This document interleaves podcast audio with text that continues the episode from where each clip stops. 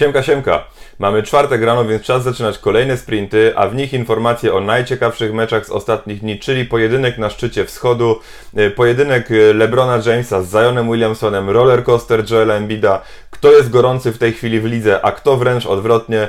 Niestety, ale nowe kontuzje, niektóre bardzo poważne, niektóre miejmy nadzieję mniej, powroty i walka o powroty, to wszystko w klasycznym formacie, czyli maksymalnie 24 sekundy o jednym temacie.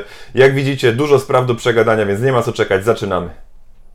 Na początek niestety zła wiadomość dla fanów Indiana Pacers. Jeremy Lamb nie dokończył poprzedniego meczu ze względu na kontuzję kolana. Niestety okazała się ona bardzo poważna i złożona, bo poza zerwanym więzadłem krzyżowym doszło jeszcze do kilku drobniejszych urazów w kolanie i wiemy już na pewno, że Jeremiego w tym sezonie na parkietach NBA nie zobaczymy, ale też bardzo prawdopodobne, że opuści cały przyszły sezon, więc pozostaje tylko trzymać kciuki, żeby udało mu się wrócić na parkiety najlepszej ligi świata. Wrócić do NBA chciałby za to Lance Stevenson, który rozgrywał bardzo dobry sezon w lidze chińskiej, notując 26,7 punktu i 7,5 zbiórki, a że rozgrywki ligi zostały zawieszone do odwołania ze względu na koronawirusa, to Lance chciałby wrócić do NBA. Kto wie, może dostanie szansę od Indiana Pacers, bo tam przecież rozgrywał zawsze swoje najlepsze sezony. Po zimnym prysznicu od Milwaukee Bucks Joel Embiid wyżył się wręcz na Atlanta Hawks, zdobywając 49 punktów, co jest jego rekordem kariery. Do tego dołożył 14 zbiórek i 3 przechwyty i poprowadził Sixers do zwycięstwa nad Atlanta Hawks, ale w meczu nie zagrał niestety Ben Simmons, który nabawił się jakiejś nietypowej kontuzji pleców. Nie wiadomo na razie ile potrwa leczenie i kiedy będzie mógł wrócić na parkiety NBA. Na razie jest pod obserwacją i za dwa tygodnie ma przejść ponowne badania. Oby to nie było nic poważnego. Swój rekord kariery pobił też Bradley Bill, zdobywając w poniedziałek 55 punktów i to przeciwko nie byle komu, bo przeciwko aktualnie najlepszej drużynie NBA, czyli Milwaukee Bucks. 108 punktów Billa w dwóch ostatnich meczach robi potworne wrażenie, e, a Milwaukee Bucks potrzebowali aż 40 punktów Chrisa Middletona i 46% skuteczności za 3, żeby uporać się z Wizards w Waszyngtonie po dogrywce.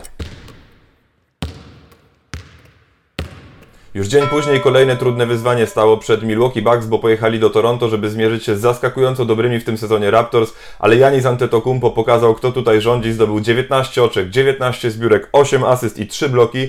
Bucks pewnie pokonali obrońców tytułu, grają cały czas w tym sezonie świetnie i jako pierwsi zapewnili sobie awans do playoffów, czego tak wcześnie w sezonie nie dokonał jeszcze nikt w historii. Bucks są naprawdę rozpędzeni. Po raz pierwszy w historii mogliśmy obejrzeć pojedynek, którym emocjonowała się cała Ameryka, czyli LeBron kontra Zion i chociaż to Lakers wygrali, a król dominował, bo zdobył 40 oczek, 8 zbiórek i 6 asyst, to Pelikany napsuły sporo krwi gospodarzom. Zion pokazał się ze świetnej strony, zdobywając 29 oczek i 6 zbiórek, a odkąd dołączył do Pelikanów, to ci są piątą najlepszą drużyną ofensywną w lidze i dziesiątą w obronie. Wcześniej byli odpowiednio na zaledwie 18 i 26 miejscu. Data powrotu Stefa Karego oficjalnie potwierdzona. Zobaczymy go na parkiecie już 1 marca w pojedynku przeciwko Washington Wizards. E, sądząc po filmikach, które krążą po sieci, e, ręka cały czas sprawna, truja siedzi, więc możliwe, że czeka nas niesamowity pojedynek strzelecki pomiędzy Bradleyem Billem a Stefem Karym już w jego pierwszym meczu po powrocie. Oby tak było, nie mogę się doczekać. Znowu o Joelu Embidzie, ale tym razem niestety o jego kontuzji, bo w dzisiejszym meczu przeciwko Cleveland Cavaliers zagrał zaledwie 7,5 minuty, a później musiał opuścić boisko ze względu na kontuzję ramienia.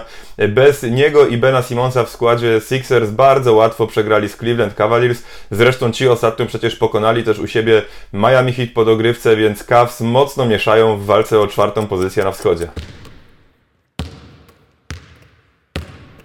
Swoje problemy mają też Miami Heat. Po ściągnięciu Andrej Głodali i Jaya Crowdera wydawało się, że może być tylko lepiej, e, ale Heat przegrali dopiero co w Cleveland. Dzisiaj przegrali u siebie z Minnesota Timberwolves, która cały czas przecież gra bez Karla Antonego Townsa. W ostatnich 10 meczach Miami wygrało zaledwie 3 razy i wydaje się, że pierwsza trójka odjechała już na dobre, co może oznaczać pojedynek w drugiej rundzie playoffów przeciwko Milwaukee Bucks. Transfer Mike'a Conleya miał dla Utah Jazz oznaczać walkę o mistrzostwo, ale tak się nie stało. Conley gra najsłabszy sezon w swojej karierze. Utah cały czas gra w kratkę, a przed meczem z Celtami trener y, Snyder zapowiadał roszady w składzie. Mike Conley miał usiąść na ławce. Ostatecznie to Joe Ingles usiadł na ławkę, ale nawet te zmiany plus 37 punktów Donowana Mitchella nie pomogło. Utah przegrali czwarty mecz z rzędu i dziewiąty w ostatnich 13. Spadli już na szóste miejsce na zachodzie. Za to na przeciwnym biegunie Celtowie, którzy wygrali 11 z ostatnich 13 meczów, a Jason Tatum zdobywał w nich ponad 30 punktów na mecz. Gorący jak Celtowie są również Houston Rockets, którzy dzisiaj wręcz zmietli Memphis Grizzlies, prowadząc już tuż po przerwie 35 punktami.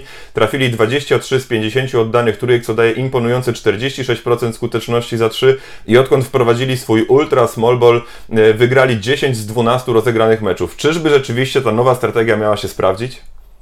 To już tyle, jeżeli chodzi o najważniejsze informacje z Ligi NBA z trzech ostatnich dni. Na kolejną porcję sprintów zapraszam Was już w poniedziałek rano. Miłego dnia, trzymajcie się, do zobaczenia i do usłyszenia.